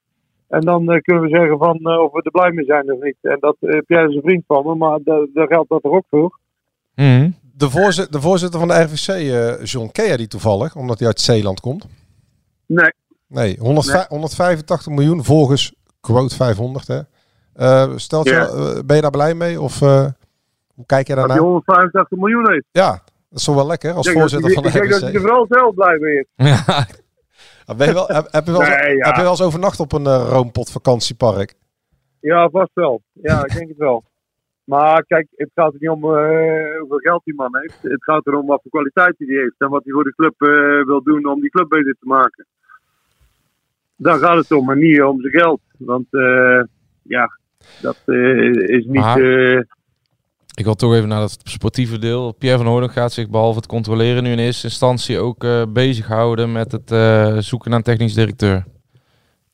ja. En die gaat ook de ja, komende tijd, zolang er geen technisch directeur is, dus ook eh mede bepalend zijn in het aan- en verkoopbeleid eh, deze winter. In de praktijk is Pierre nu eh, de, technische man. Ja. Op alle vlakken.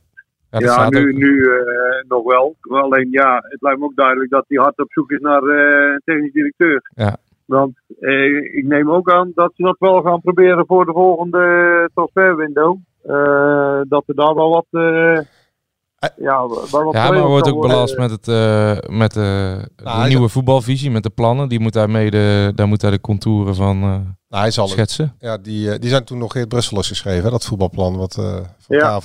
Hij ja, zal- dat, dat, dat, dat zag er prima uit hoor. Maar ik moet zeggen, dat leek ook veel op het voetbalplan van die Amerikanen.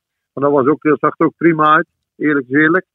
Eh, en dan was dit eigenlijk, eh, ja, eigenlijk eh, was het daar vergelijkbaar. Hij zal ook wel een nieuwe scout gaan aanstellen, denk ik. Een, nieuw, een nieuwe hoofdscout. Nou ja, eh, Lex Schoenmaker junior, die, eh zijn contract loopt al af volgens mij. Maar ja, dat, eh, dat, Ja, dat gaat natuurlijk niet meer werken. Er moet zo gruwelijk veel nog gebeuren. Er moet een nieuw scoutingsteam eh, komen. Ja. Er moet een hoofdscout komen. Eh, ik vind, maar dat is mijn mening, er moet ook een scout eh, voor de tweede divisie komen. En, en ook een scout voor de, de eerste divisie. En een scout voor het buitenland. Dat is mijn, eh, dus dat is nog een hele tour om Maar- alles eh, te regelen. Maar dat kost heel veel geld, hè John? Ja, maar het levert ook heel veel geld op als je het goed doet. Ja.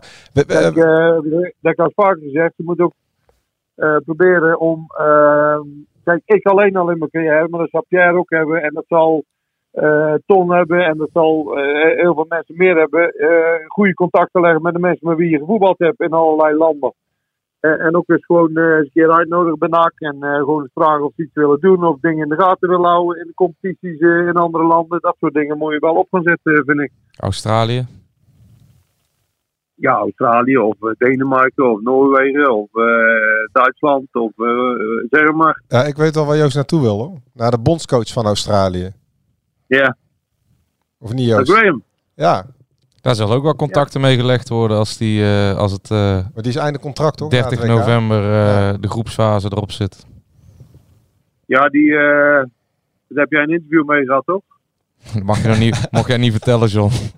Nee, maar je begint er zelf over en mag ik er niks over zeggen. nee. Ja, maar omdat Ah. jij zei, jij doelde op die buitenlandse contacten, dan mogen we best een tipje van de sluier geven. Maar ehm, ja, dat is natuurlijk wel een belangrijk contact. Ja, zeker. Ja, ik ken hem natuurlijk eh, goed. Ik heb een aantal jaar mee gevoetbald. Maar goed, eh, ik weet ook niet. hij Daarom had ik jou ook gebeld, John. Wat zeg je? Daarom had ik het jou ook gevraagd. Ja, maar hij is nu, eh nu landencoach, om zo maar te zeggen, geen clubcoach. En dat is sowieso anders. Ik, eh, volgens mij heeft hij wel wat clubs getraind in eh, Australië. Ja. En ik weet ook niet wat zijn, hoe zijn werkwijze is. Of, of dat nou een ja, zogenaamde ouderwetse trainer is of een moderne trainer. Of hoe die voetbal ziet. Of, ja, je kan wel zeggen van, ik kan allemaal wat namen. Eh, Hij, hij durft in ieder geval wel keuzes te maken, John. Ja. Want eh, hij, hij heeft zijn schoonzoon heeft hij laten afvallen in de voor, uit de voor, eh, na de voorselectie.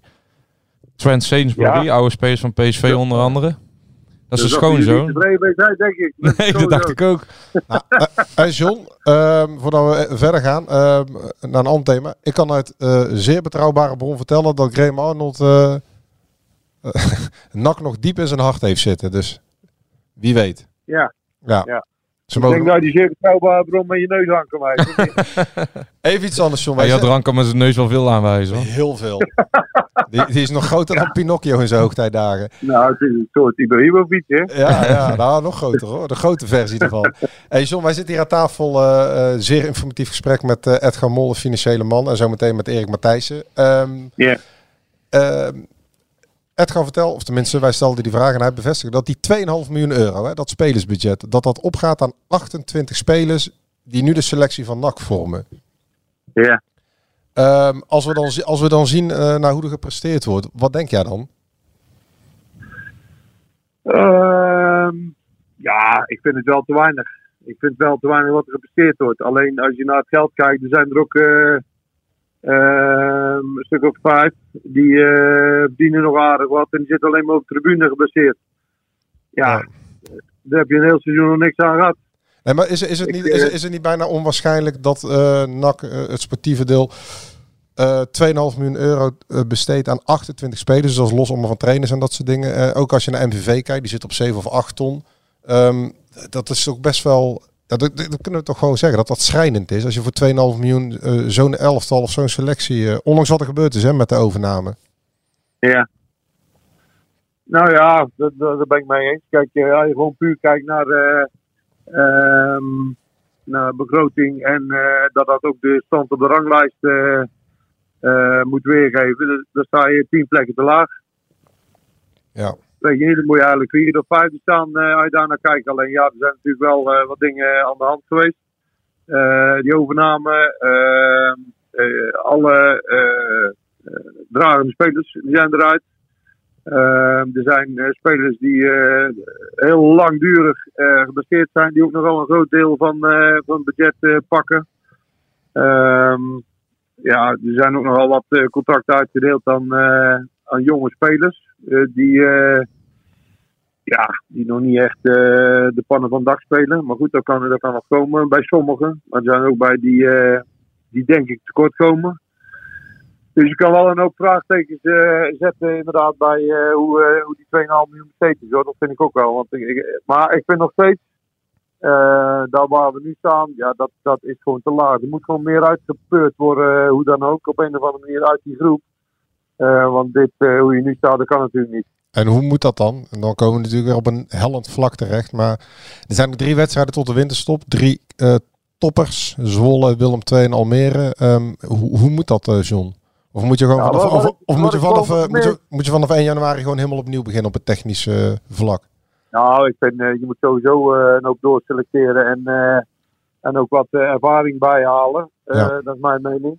Ehm, Maar vond maar ik vind, ook wel, ik vind ook wel, ik vind dat het duidelijker ehm, eh, een plan, eh, een wedstrijdplan eh, moet ik kunnen zien. Van nou, we gaan nu zo druk zetten of we gaan nu zo opbouwen. En ja, kijk, er zijn vlagen bij in de wedstrijd, want dat vond ik ook tweede helft tegen, tegen Heracles. zie ik best wel goede aanvallen. Alleen dan in die laatste fase wordt dat weer minder, weet ik niet, vanaf 20 meter van de goal. Maar dan combineren ze best goed, eh, tot een meter of 20 en dan houdt het op. Denk jij niet dat Eh, Heracles het gewoon liet gebeuren, John? En nou, nee, ja, dat is altijd kip en ei, hè. Maar weet je wat ik wel vind? Ik vind wel eh, dat er veel te veel zone gedekt wordt. Weet je, ik, ik hou meer van, ja, dek gewoon overal eens door, joh. Weet je, dan kom je in ieder geval in je duel. En dan... Dat eh, wil Louis is dat Vergaal ook. Wat zeg je? Dat wil Louis Vergaal ook. Nee, maar ik vind al dat, eh dat nou, eh, weet je niet, die kom je overal mensen tekort. Stel dat, eh, dat, dat, dat bijvoorbeeld eh, een, een spits die zakt uit, dan heb je in principe een man meer op het middenveld, als je niet doordekt. Want ja, en dat vind ik veel te vaak gebeuren. En ook vaak al- allemaal naar de bal kijken en niet, niet kijken wat er in je omgeving gebeurt.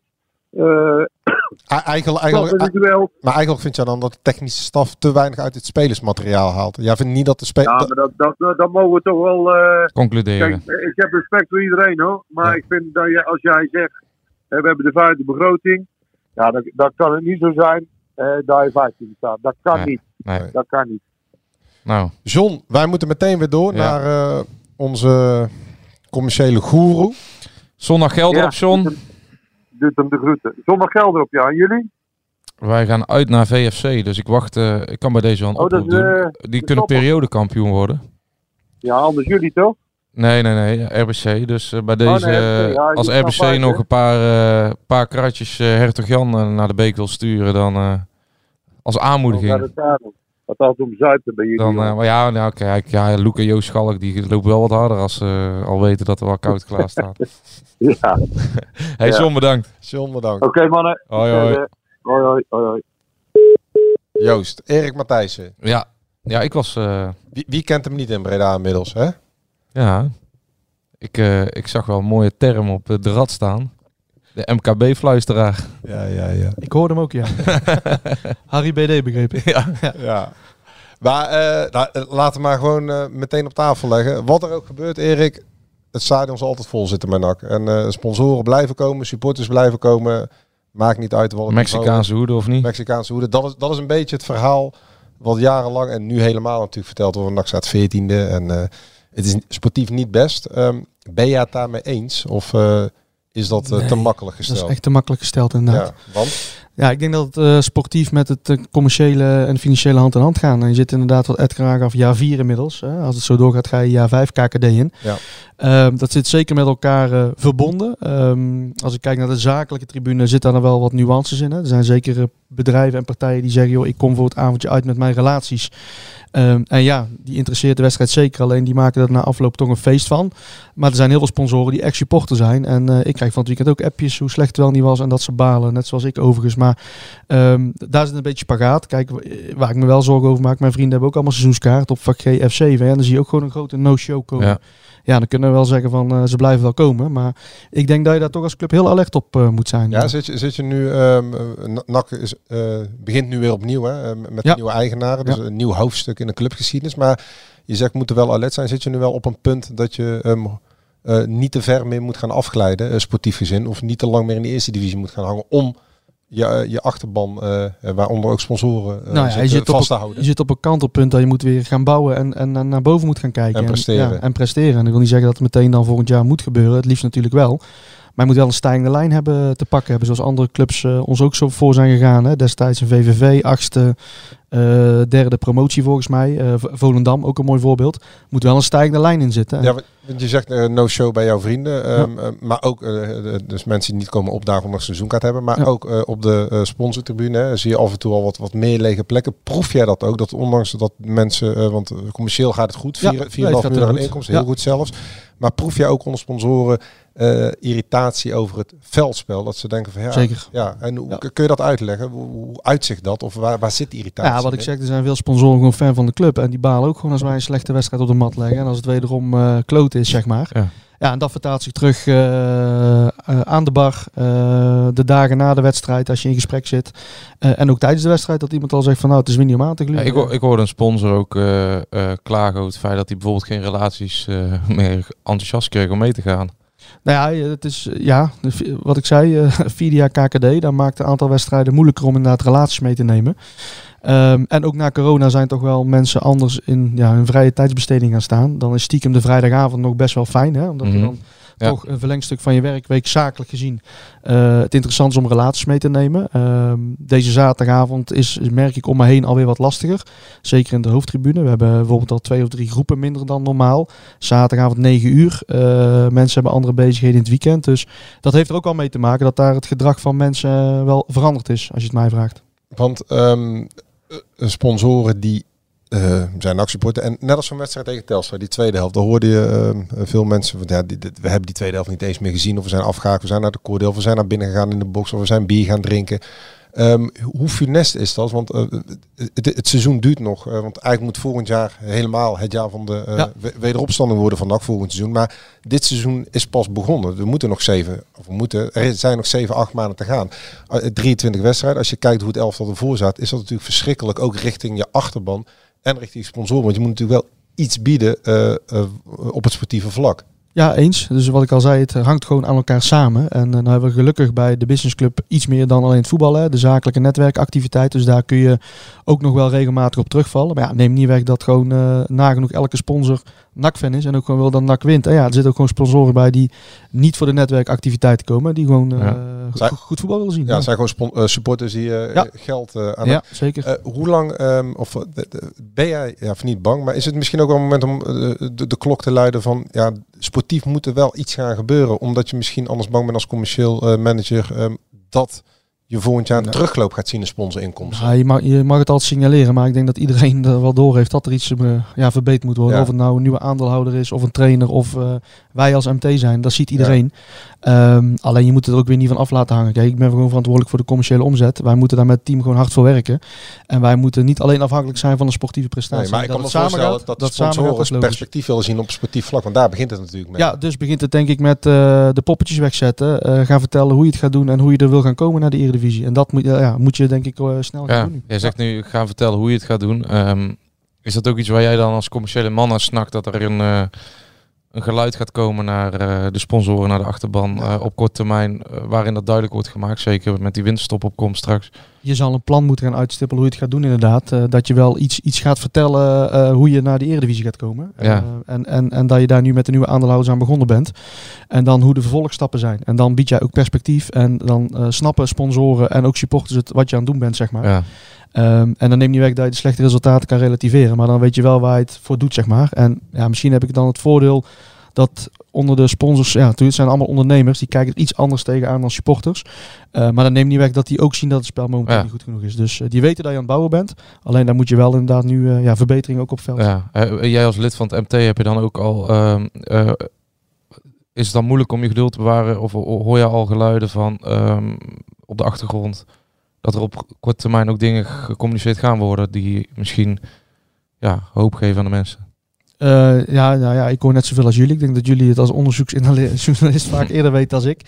Maar ik, ik, nee, ik ben daar vrij rustig onder. En ik weet wat, wat de club aan het doen is, wat de mensen aan het doen zijn, wat de Nakkers Breda aan het doen is. En dat heeft even zijn tijd nodig. Um, alleen ja, ik zeg al, uh, de geduld daarin bewaren en gewoon koers volgen. En uh, dan komt dat vanzelf goed. Um, NAC heeft nu uh, 4,5 miljoen euro aan spo uh, sponsorinkomsten voor dit seizoen. Uh, wij, van wij, voor mij nou, NAC komt van heel ver. Ja. Um, onder jouw voorganger, um, laten we zeggen twee seizoenen geleden zat NAC op met zijn coronaseizoen 2,5 miljoen zoiets. Hè? Ja.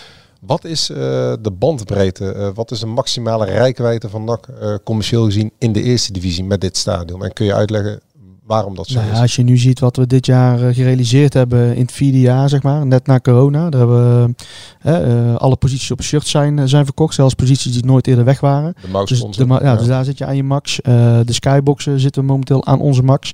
Uh, deze mooie boardroom waarin we in zitten wordt al elke wedstrijd verhuurd. Dus op een gegeven moment zit je daarin aan je max. Neemt niet weg dat er nog genoeg mogelijkheden zijn en ruimtes zijn waar we iets mee kunnen. Neemt ook niet weg dat we op de tweede ring nog gewoon voldoende plek hebben. Dat ziet elke supporter ook dat daar Ja. nog voldoende stoeltjes leeg De, ro de rode stoeltjes, hè? De rode stoeltjes, Ja. alleen ja, die zijn goedkoper. En mensen willen tegenwoordig toch meer betalen voor een luxere stoel. En heel eerlijk, ja, die tweede ring is voor mij ook een uitdaging. Want dat toch, daar waait het. Ja, jullie zitten er zelf, Mhm. zeg maar. Ja, ik heb altijd een muts op. Dat wou ik zeggen. Eh, hoeveel, eh, ko- hoeveel kost zo'n rood stoeltje gemiddeld? eh, 650 euro tot 1000 euro zijn twee Ja, varianten. en ja. beneden is dat weer het dubbele. Beneden zit je op dubbele ereterras, ja. Ja, ja, Ja. ja. En daar, ja, dat viel me inderdaad ook al op. Want eh, wij zaten bij Heracles, maar ja, toen zaten wij trouwens in Nok van het stadion. Maar kun je daar iets aan doen aan die tocht? Of is dat iets waar je ook geen ehm Als jij het invloed weet, op hebt? dan... eh, Nee, maar dat je soort, toch wegkrijgt. dat soort dingen spelen wel mee. Dat speelt zeker mee. Dat speelt zeker mee. Maar dat zegt ook iets over de markt. Hè. Kijk, een, een sponsor wil graag meer betalen voor meer comfort en luxe. Vandaar dat alle skybox en ook al onze eigen lounges gewoon vol zitten. Eh, en wil je iets doen, dan valt er zeker nog meer rek uit te halen. Maar ja, dan moet je onder andere denken aan nieuwe initiatieven rondom die tweede ring.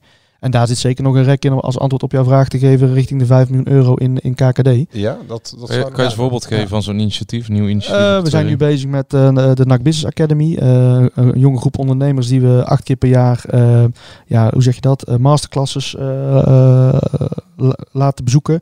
Die masterclasses worden weer gegeven door onze sponsoren, zeg maar. En ze bezoeken daar een wedstrijd mee. Eh, trek je een hele andere doelgroep. Eh, we zijn bezig, en dat is misschien een primeur, want ik zit volgende week met, Oh. met deze groep, eh, de NAC Business Ladies. Dus er gaat een, een, een- damesgroepering ontstaan. Overigens op initiatief van een aantal vrouwelijke sponsoren bedacht. Nou, dat zijn nieuwe ideeën, concepten waar je, waar je mee naartoe kan. Plus, ja, in mijn vorige periode hebben we elk hoekje al wel gepakt. Want er zijn nog zeker twee hoekjes waar we iets moois van kunnen maken. En welke hoekjes zijn dat? Dat ga ik niet zeggen. zeg maar. Eh, waar we nog een mooie lounge of concept kunnen maken. En dan nog wat ik net al zei, ja, de tweede ring. Als we daar een slag kunnen maken met bijvoorbeeld een ander concept of andere stoelen. Of toch die windschermen zoals jij het zegt. Dan zi- zijn daar ook nog voldoende mogelijkheden om die omzet te laten groeien. Ehm, en dan moeten we nog eens goed kijken naar het huidige prijsbeleid. Kijk, er is de afgelopen jaren ook al niks mee gedaan. Eh, ook door natuurlijk gemiste wedstrijden en corona. Alleen je moet daar ook weer gaan wikken en wegen. Zijn alle prijzen nog marktconform? Dus dan hebben we daar een mooi woord voor. eh, indexeren. Dat- Ja, dat die vind ik zomaar makkelijk. Nou, dat vind ik nee, want ik, vind, ik, ik durf ook best bepaalde prijzen te verlagen. Zeker als het concept niet voldoet aan de prijs die ervoor staat. Maar als ergens een lounge goed is en, en, en, en de kwaliteit is goed, dan kan daar natuurlijk ook een stukje prijs omhoog. En zo ben je continu met elkaar aan het eh, balanceren. Ehm, je hebt eh, is dus ja, richting 5 miljoen euro. Dat, dat is misschien dan, Dan zit je wel helemaal, ja. dat is dan de doelstelling. Maar dat Voor is de KKD? Ja, Ja. dat is echt de max.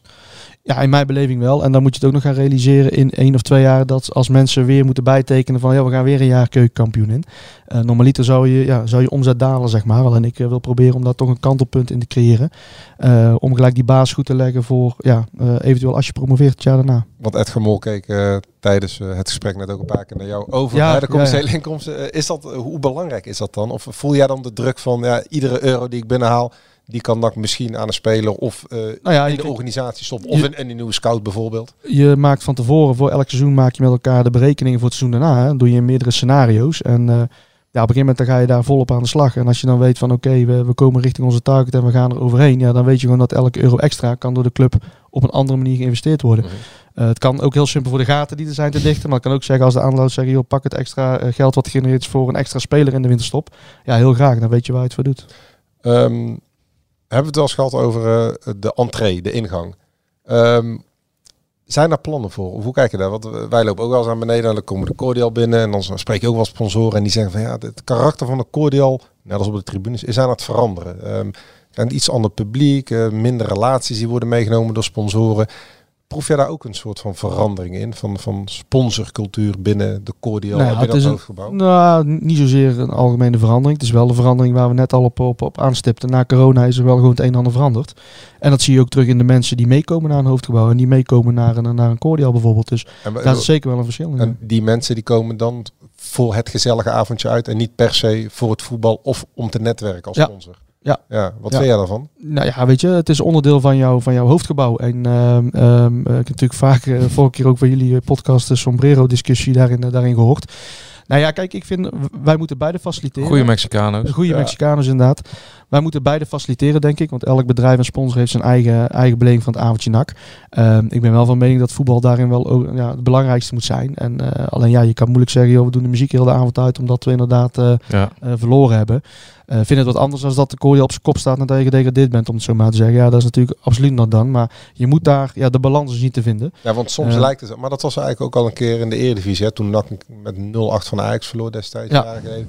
Toen stond het dan ook ramvol, de cordial, Polonaise, alsof er niets gebeurd Ja, was. 1-8 was dat 0-8. Ja, Ja, Dat- 0-8. En, ja. en nu proeven we dat ook na Telstar of na ADO als ja, eh, supporters, eh, sponsoren niets te zien krijgen.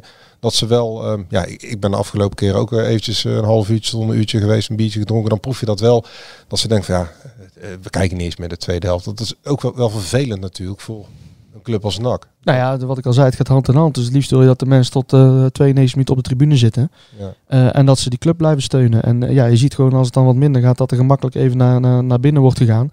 Nou, en als het gaat de verwarming niet meer openzet straks, dan eh, en het wordt kouder en het is helemaal niet om aan te gluren, ja, dan zullen ze nog eerder naar binnen gaan. Maar dat is een beetje, ik zeg het nu gekscherend, maar wel de balans die je met elkaar aan het zoeken bent. Ja. om te zorgen dat het, dat het gewoon voor, ja, voor zowel supporters als sponsoren optimaal is. Ehm, het sponsorbestand van NAC, even er in herinnering trainen, 5 tot 600 ongeveer? Of waar zitten we, zitten nu op, om naar bij de vijf, ja. Om bij de 500. En dat is allemaal over het algemeen grote lijn MKB, middenklein bedrijf uit Breda en omstreken. Ehm, wa- wa- wat kan NAC daar, eh, op welke manier kan NAC in groeien? Er is al heel vaak gezegd, en die geluiden horen natuurlijk als eh, grote internationale of eh, nationale partijen. Of vind jij nog steeds dat NAC ehm, hierbij moet blijven, bij, bij, de, bij de eigen regio? Nou ja, ik denk dat er nog veel steeds in de eigen regio eh, te winnen valt, om het zo Ja. maar te zeggen. Gelukkig hebben we ook een enorme aantrekkingskracht. Ehm, volgens mij heb ik het al een keer geroepen, maar dit jaar hebben wij 85 nieuwe sponsoren erbij. Daar heb ik zelfs in mijn eredivisietijd niet meegemaakt. En hoeveel, zijn er, aantallen. en hoeveel zijn er vertrokken? Eh, het- destijds, ja, ik denk een stuk of 100 toch wel. Ja. Maar ik bedoel echt 85 nu, daar zit ook gewoon nieuw nieuw bij. Hè? Dus mensen die niet voorheen sponsor waren. Dus Ja. eh, dat zegt wel iets over, over de aantrekkingskracht. Neem niet weg dat je altijd op zoek moet gaan naar die grote partijen eh, in de regio, maar ook, ook in het land. Want ja, je hebt gewoon een achterban. Je, je hebt daarin ook je, je, je, je eigen marktwaarde, om het zo maar te zeggen. Alleen, ja, ik blijf het hameren. Wij hebben er sneller 10 van 5 bij elkaar dan 1 van 50. Even, even transparant gezegd. Ja. Ehm, en je exposure in de KKD is gewoon minder dan in de Eredivisie. Waarom Eh, heeft, want dat, eh, dat is natuurlijk ook een discussie die al eh, ontzettend oud is, maar waarom heeft NAC makkelijker 10 of 5 van 10.000 euro eh, dan één sponsor van 50.000 euro? Ik denk toch ehm, ja, tweeledig. Enerzijds jouw, jouw verzorgingsgebied. Hè? Dus, dus je, je, de bedrijven stappen makkelijk in op dat soort bedragen. Ehm, eh, plus aan de andere kant, je hebt ook de faciliteiten daar gemakkelijker voor. Het is niet zo dat ik even zeg maar een, een, een grote skybox vrij heb als één partij zegt nou hè, die wil ik hebben. Eh, ze zitten nu ook allemaal vol. Dus zijn vaak ook, eh, het is een stukje vraag en aanbod om het zo maar te zeggen.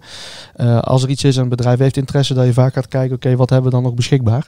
Dus het is een beetje combinatie, van- ja, combinatie van daarin. Heb jij zelf ooit nagedacht om algemeen directeur van NAC te worden? Eh, Nagedacht heel kort, ja. Ja. ja.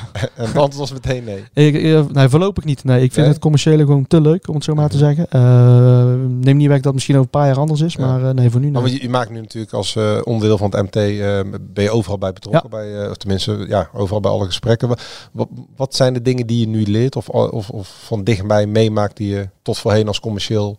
Nou ja, je zit gewoon bij andere partijen om tafel waar je normaal als commerciële man niet aan tafel komt. Hè. Denk aan eh, de gemeente, KVB-gerelateerde zaken. Ja, dat zijn andere inhoudelijke gesprekken en discussies die je hebt dan dat je gewoon lekker commercieel eh, eh, je ding kan doen. Ja. En ehm, ik vind eh, dat soort gesprekken heel leuk, heel leerzaam ook. Alleen ik sta liever gewoon met mijn poot in de klei en ik sta liever eh, op een dag met vier sponsoren ergens dan dat ik eh, bij de KVB heel dag zit. Ja.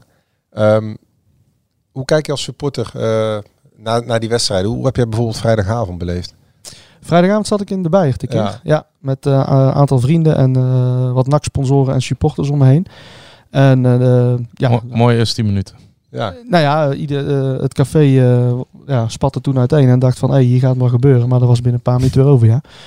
Dus daar baal je enorm van. Ja, weet je, daar Is, ben het- ik... is eh, het moeilijk of juist makkelijk om ehm, ehm, eh, de supporters emotie los te laten? Want je hebt natuurlijk een bestuurlijke functie, maar je, bent, eh, je komt hier ook uit de regio. Je Ja. gaat ook met vrienden naar het café op potje voetbal te kijken. Is dat moeilijk? O- o- De, de, de Nou, frustratie gewoon over de sportieve teleurgang? Nou ja, dat hebben in de afgelopen jaren ben je daar wel wat, wat, wat beter mee om kunnen gaan, zeg maar. Eh, eh, waar je net zegt, ja, bij, bij 0-8 liep men de Polonaise. Ja, vroeger was ik echt woest, zeg maar. En tegenwoordig kan ik dat dan iets meer relativeren. Hetzelfde gaat als je op zondag bij een vriendenteam in de kleedkamer komt en je krijgt weer een opmerking naar je hoofd. Ja, dat weet ik nu ook wel te relativeren. Dus al door, de, door de jaren heen daar wat beter mee om kunnen gaan. Maar ja, neem niet weg, ja, je bent supporter en ja, die emotie moet je af en toe wel scheiden van, eh, van je werk en, eh, en de realiteit, zeg maar. Het commerciële weer terug. Eh, het stadion.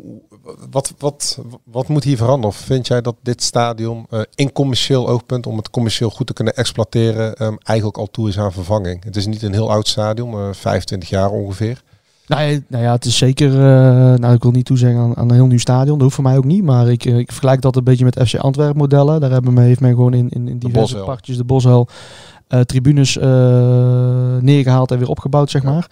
Ja, het liefst eh, zou ik een heel nieuw hoofdgebouw hebben. Omdat ik al net zei, ja, de ruimte zit er vol. Elk hoekje ben je, ben je met iets bezig. Het liefste maak je een nieuw hoofdgebouw met in plaats van twee, drie verdiepingen. Je gaat segmenteren. Ja, daar kan ik uren over filosoferen. Maar Met ik denk, verschillende ingangen. met verschillende ingangen. ehm, ehm, en ik denk dat, je de, de- dat daar nog best veel mogelijk is. En dat je gewoon een goed plan moet maken hoe jij het hoofdgebouw opnieuw kan indelen. Hetzelfde geldt eventueel voor jouw tribunes achter de goal en, en aan de lange zijde. Daar zijn ook heel veel mogelijkheden nog, denk ik, eh, denk ik voor. Eh, en dat kun je ook stap voor stap met elkaar uitwerken. Dus Ja, bijvoorbeeld deze ruimte, zat je al te vertellen, Ja. dat hier eigenlijk al eh, tekeningen voor waren hoe je de- deze ruimte zit Ja, in de hoek hier tussen een- het uitvak en de hoofdtribune. Ja, als je hier een schuin terras voor, eh, voor maakt, heb je hier een fantastisch mooie, mooie skybox in de hoek, zeg maar. En nu heb je een mooie ruimte, alleen nog geen ja, Ja. stoelen om er Hoe, goed hoe op te bedoel je kunnen een zitten. terras zoals eh, bij- in de hoeken bij PSV Ja, bijvoorbeeld? correct, correct, Ja. correct, correct. En ehm, die toren, want we kijken nu ook uit een andere toren, daar zitten bedrijven in, maar die torens zijn niet van NAC. Of de, de- daar, daar zou NAC in de toekomst niks mee kunnen doen. Nee, klopt. Die zijn, eh, vallen onder andere contracten. eh, Welke torens zijn van NAC? Deze toren, die op Corbett horen. En bij vak G. En bij Vak G. En die andere twee torens zijn van andere partijen. Ja. Van, van Stoof is dat toch? Of? Kijk Edgar even aan? Van Stoof. Ja. Van Stoof, ja. Maar daar kan, daar kan NAC dus eh, niets meer doen. Dat hoofdgebouw, ehm, hoeveel valt daar commercieel, eh, commerciële meerwaarde uit te halen, denk jij? Ga, hebben we het dan echt over eh 2, 3, 4 miljoen of over tonnen? Of als je dat echt helemaal renoveert naar wat jij in gedachten zou kunnen hebben? En bedoel je dan Eredivisie, eerste of to- totaal? Ja, totaal. Ja, ik denk als jij als je het helemaal eh, goed op, op gaat aanpakken en je weet ook te promoveren, kun jij in een aantal jaar richting de 8 miljoen gaan. 8 miljoen, maar dat- mits het hoofdgebouw gerenoveerd wordt. Ja. Ja. A- 8 miljoen Ja. euro. Dat is, Ja. bij- ja, dat is het dubbele van waar we nu aan zitten. Correct. Ja. Ja. Een mooie uitdaging, maar daar, daar staat of valt weer de eredivisie bij. Want ook, ook jij voelt dat, eh, want ja, commercieel gezien, de, de, de prijzen die je kunt vragen, die eh, gaan ook 40, 50 procent omhoog zo, eh, op het moment dat NAC promoveert. De, niet 40, 50, 25 moet je even rekening mee houden. Tenminste, je, je hospitality pakket, om het zo maar te zeggen. Je exposure zit wel hoger inderdaad, dus daar heb jij, daar heb jij gelijk in. Maar daar zit ook een andere prijsstelling aan. Ja. En dan kun je ook, ook snellere slagen maken. En ehm, ja, ik denk dat de club en dat de nieuwe aanlouders dat ook, ook gewoon willen. Is dat je niet meer afhankelijk bent van een keer eh, promoveren. En dat je eh, 2 of 3 miljoen mediagelden hebt. Maar dat je gewoon structureel met elkaar is nu eh, de tekorten oplost. Ook als je een keer weer terug kan vallen, om het zo maar te zeggen. En dat dan je commerciële inkomsten en je mediagelden gewoon extra zijn. En dat het niet, ja, hoe zit dat, gaten dicht moet zijn. Maar dat het gewoon bovenop is. En dat het gewoon gebruikt kan worden voor jouw spelersgroep. En dat je daarop ja, je versterking kan... eh, kan eh, Heel kort nog even, een van de aandeelhouders, Jasper van Eck, die zei een, paar, een tijdje terug van, ja, ik, ik wil af van dat stigma dat NAC een carnavalsclub is. Ehm, proef jij dat NAC op, op een kantelpunt ook qua, qua eigen cultuur staat of qua eigen identiteit? Ja, hoe bedoel je? Qua... Nou, omdat eh, een van de aandeelhouders hier, die volgens Ja, ja, zelf ook supporter was, die zegt van, eh, ik, het moet over voetbal gaan. Het Eens. moet weer over prestatie en niet continu eh, en dat bier drinken en de Ja. polonaise lopen en, en niet, het, het niet meer willen uitmaken wat NAC doet. Nee, en daarom zeg ik ook, joh, we moeten de gezelligheid moeten blijven, moeten wij faciliteren, maar voetbal moet op één komen te staan. het is nu een beetje aan- doorgeslagen de af- afgelopen Ja, jaren. Dus voetbal moet op één komen te staan, alleen moeten we onze ogen niet versluiten dat we dat faciliteren en dat het er is. Alleen het moet niet inderdaad omgedraaide weg zijn, dat mensen zeggen, nou, ga een gezellig avondje uit en voetbal is bijzaak. En daar moeten we met z'n allen voor waken. En ik denk dat, ja, wat in het begin van de vraagstelling ik ook aangaf, ik zie ook de no-show, hè, weet je. Dus dat is, dat is een teken, om Ja. zo maar te zeggen. Eh, Daar moet je met elkaar waakzaam voor En, dat kun je niet nog een seizoen volhouden. eh, die- die- die- Ja, ik wil niet zeggen dat dat niet nog een seizoen kan, maar het moet niet te lang gaan Nee. Nee. Nee. Is het misschien wel, ehm, omdat er een hele nieuwe organisatie weggezet wo- gaat worden, ergens voor eh, de, nieuwe, de nieuwe wind die gaat waaien, ook misschien wel handig als NAC, ja, echt als eh, nummer 16 straks de eerste divisie in gaat, dat de verwachtingen zo laag gaan zijn dat jullie ja, misschien wel mee gaan liften op een bepaalde eh, eh, flow die er straks gaat komen, dat het elke keer beter gaat. En, Ja, maar je moet er niet afhankelijk zijn. Dat we moeten toch niet eerst 16e worden om die. Nee, nee, maar ik zat er gewoon open over, over te denken. Dat het, dat, de- de- ja, de, de, de verwachtingen zijn al, al niet hoog meer. Als je mensen die hier zaterdag Nee, nee, nee. tegen PEC binnen gaan lopen. Ehm, we hebben het over de cordial, maar ja, eh, het gros wat in de cordial staat, laat zeggen 95%, die gaat bijvoorbeeld inmiddels al uit dat het, eh, dat het bijna een pijnlijke avond gaat worden. Ehm, ja, straks op het moment dat het daadwerkelijk wel eh spijkers met koppen gaat sla- geslagen worden, dat, het- dat de spelen er wel misschien twee of drie eh goede spelers bij gaan komen die net eh, een verschil kunnen maken, dan ja, ik zou het voor jou misschien ook wel heel aantrekkelijk eh, kunnen worden als, als, men, als het gaat blijken dat Nakkers Breda straks ineens zorgt voor die frisse wind waar iedereen naar snakt. Ja, dan maakt het eh, ook een stuk makkelijker inderdaad. Maar nogmaals, ja, ik, ik kies zelf de Ja, aanval. kan niet, ja, Ja, ik kies zelf de aanval en wij gaan zorgen dat er genoeg sponsoren bij blijven komen en ook bij de club trouw blijven. En dan eh, zorgen de andere mensen dat het op het veld snel goed gaat. En dan Eén laatste vraag, want Erik moet weg. Ehm, hoe belangrijk is het voor een club als NAC, eh, financieel gezien, commercieel gezien, maar ook qua uitstraling, dat NAC wel de play-offs haalt? Want het ziet er gewoon slecht uit, sportief gezien. Eh, we hebben het echt sportief gezien. Eh, moeilijke wedstrijden, de, de achtste, negende plek raakt uit zicht. Hoe belangrijk is het voor deze club om wel mee te doen aan de play-offs? Ja, financieel moet ik Edgar even aankijken wat dat, wat dat precies oplevert. Alleen, ja, ik, ik denk toch dat je dan weer toch een vibe creëert met elkaar. En toch weer het geloof van, hey, we, we, we, gaan toch een poging wagen. En sponsoren komen daarvoor ook naar het stadion. En ook zelfs na zo'n sportief uh, klote seizoen zoals het Ja. nu gaat, is het ontzettend belangrijk om wel aan die Nou, in ieder geval om die vibe te creëren. We hebben gezien eh, wat Nek een paar jaar geleden hier flikte. Die hadden ook gewoon een heel slecht jaar. Ja. Dus ja, ik vind dat je voor het maximale moet gaan. Aan de andere kant, als je realistisch bent, ja, je hebt er nu even niks te zoeken. Maar dat kan in een paar wedstrijden tijd ook weer, ook weer anders zijn. Maar ik zit meer in die vibe. Edgar zal meer over de cijfertjes gaan. Ik weet niet, Edgar. eh, Le- wat het normaal, iets eh, op of valt dat wel mee? Ja, uiteindelijk zijn we daar zelf bij. Hè. Dus, eh, maar als wij gewoon vanaf ronde 1 de vaste prijzen rekenen, dan levert het zeker eh, eh, veel op. Hè. Dus in de begroting nogmaals conservatief. Houden we er geen rekening mee. Hebben we nooit gedaan. Hè. Dus dat heeft niks Ja. te maken met sportieve ambities. Nee. Maar dat is gewoon eh, veiligheidshalve doen we het niet. Hetzelfde met bekertoernooi. Ja, weet je, dat zijn extra inkomsten. Ons. begroten jullie ook gewoon eerste ronde en Ja. één ronde. Ja. Ja. Eh, eh, wat levert NAC één thuiswedstrijd, eh, eerste ronde play-off, laten we zeggen, uitverkocht huis. Wat, wat levert NAC dat op een ton? Eh 50.000 Dat ligt euro. een beetje aan, aan de tegenstander en aan de prijzen die we hebben. Als we de reguliere prijzen vragen, dan. Eh, en, en ook de seizoenkaarthouders laten betalen. Want dat is natuurlijk altijd eh, de afweging die je moet maken. Hè. Beloon je die voor eh, een jaar trouwe dienst? Of zeg je van iedereen moet gewoon betalen? Dus dat, ja, dat zijn wel factoren die. Nou, als, je, als je iedereen laat betalen, dan, dan kom je wel, laten zeggen, om en nabij een tonnetje dat NAC dat op kan leveren. Ja, zeker. Meer Ja, zeker. dat. Dus eh, ja, met de bekertoernooi ook. Ja, die speelt tegen Eindhoven. Maar vanaf de achtste finale is het gedeelde reset, hè? Ja. En dan gaan de ogen twinkelen bij, eh, de, com- bij de financiële man. Ja. Ja. Ja. Dan hopen we Afhankelijk van de loting. Uitverkocht huis in de Kuip, inderdaad. Ja, die vibe. Als NAC de play-offs haalt, dan denk ik dat, eh, dat, dat de vibe al eerder eh, start. Want NAC ja. moet van ver komen. Nee, inderdaad. Maar ik zeg al, ik geloof eerder in die vibe. En dat je daardoor ook supporters en ook sponsoren weer voor het jaar daarna aan je weet te binden. Dan dat we daar het financiële oogpunt eh, naar de gelden Ja. moeten kijken. Dus ook eh, voor de, voor de, Ik denk daarom zeker dat eh, als het lukt om het gewoon eh, ja, te voor, halen. voor, voor de is. binding met je achterban, maar zeker ook met sponsoren die Zeker. veel geld in het laadje brengen, is meedoen aan de play-offs gewoon noodzakelijk. Punt. Ja. Ja, ja. Nou, duidelijk Joost. Ja, Dus, zeker. we Erik moeten laten gaan. Dankjewel. Edgar, Edgar heeft ons gerustgesteld. Ja, En, eh, het is nu aan het. eh, ja, ik, ik denk dat jullie allebei, net als, net als iedereen, eh, de ogen gericht zullen zijn op het eh, ja, technische deel eh, van NAC. Hè. Het nieuwe Pierre van Hooydonk, hè? Nieuwe technische directeur. Wie wordt de trainer volgend seizoen? Eh, de spelers. Ik denk dat eh, nu nog meer dan ooit alle ogen daarop gericht zullen zijn. En ook op Pierre natuurlijk, zeker. Ja. Het zou toch wel lekker zijn als bij het ingaan van het WK voor de gemoedstoestand van Jan Alleman NAC dan toch nog even zaterdagavond Ja.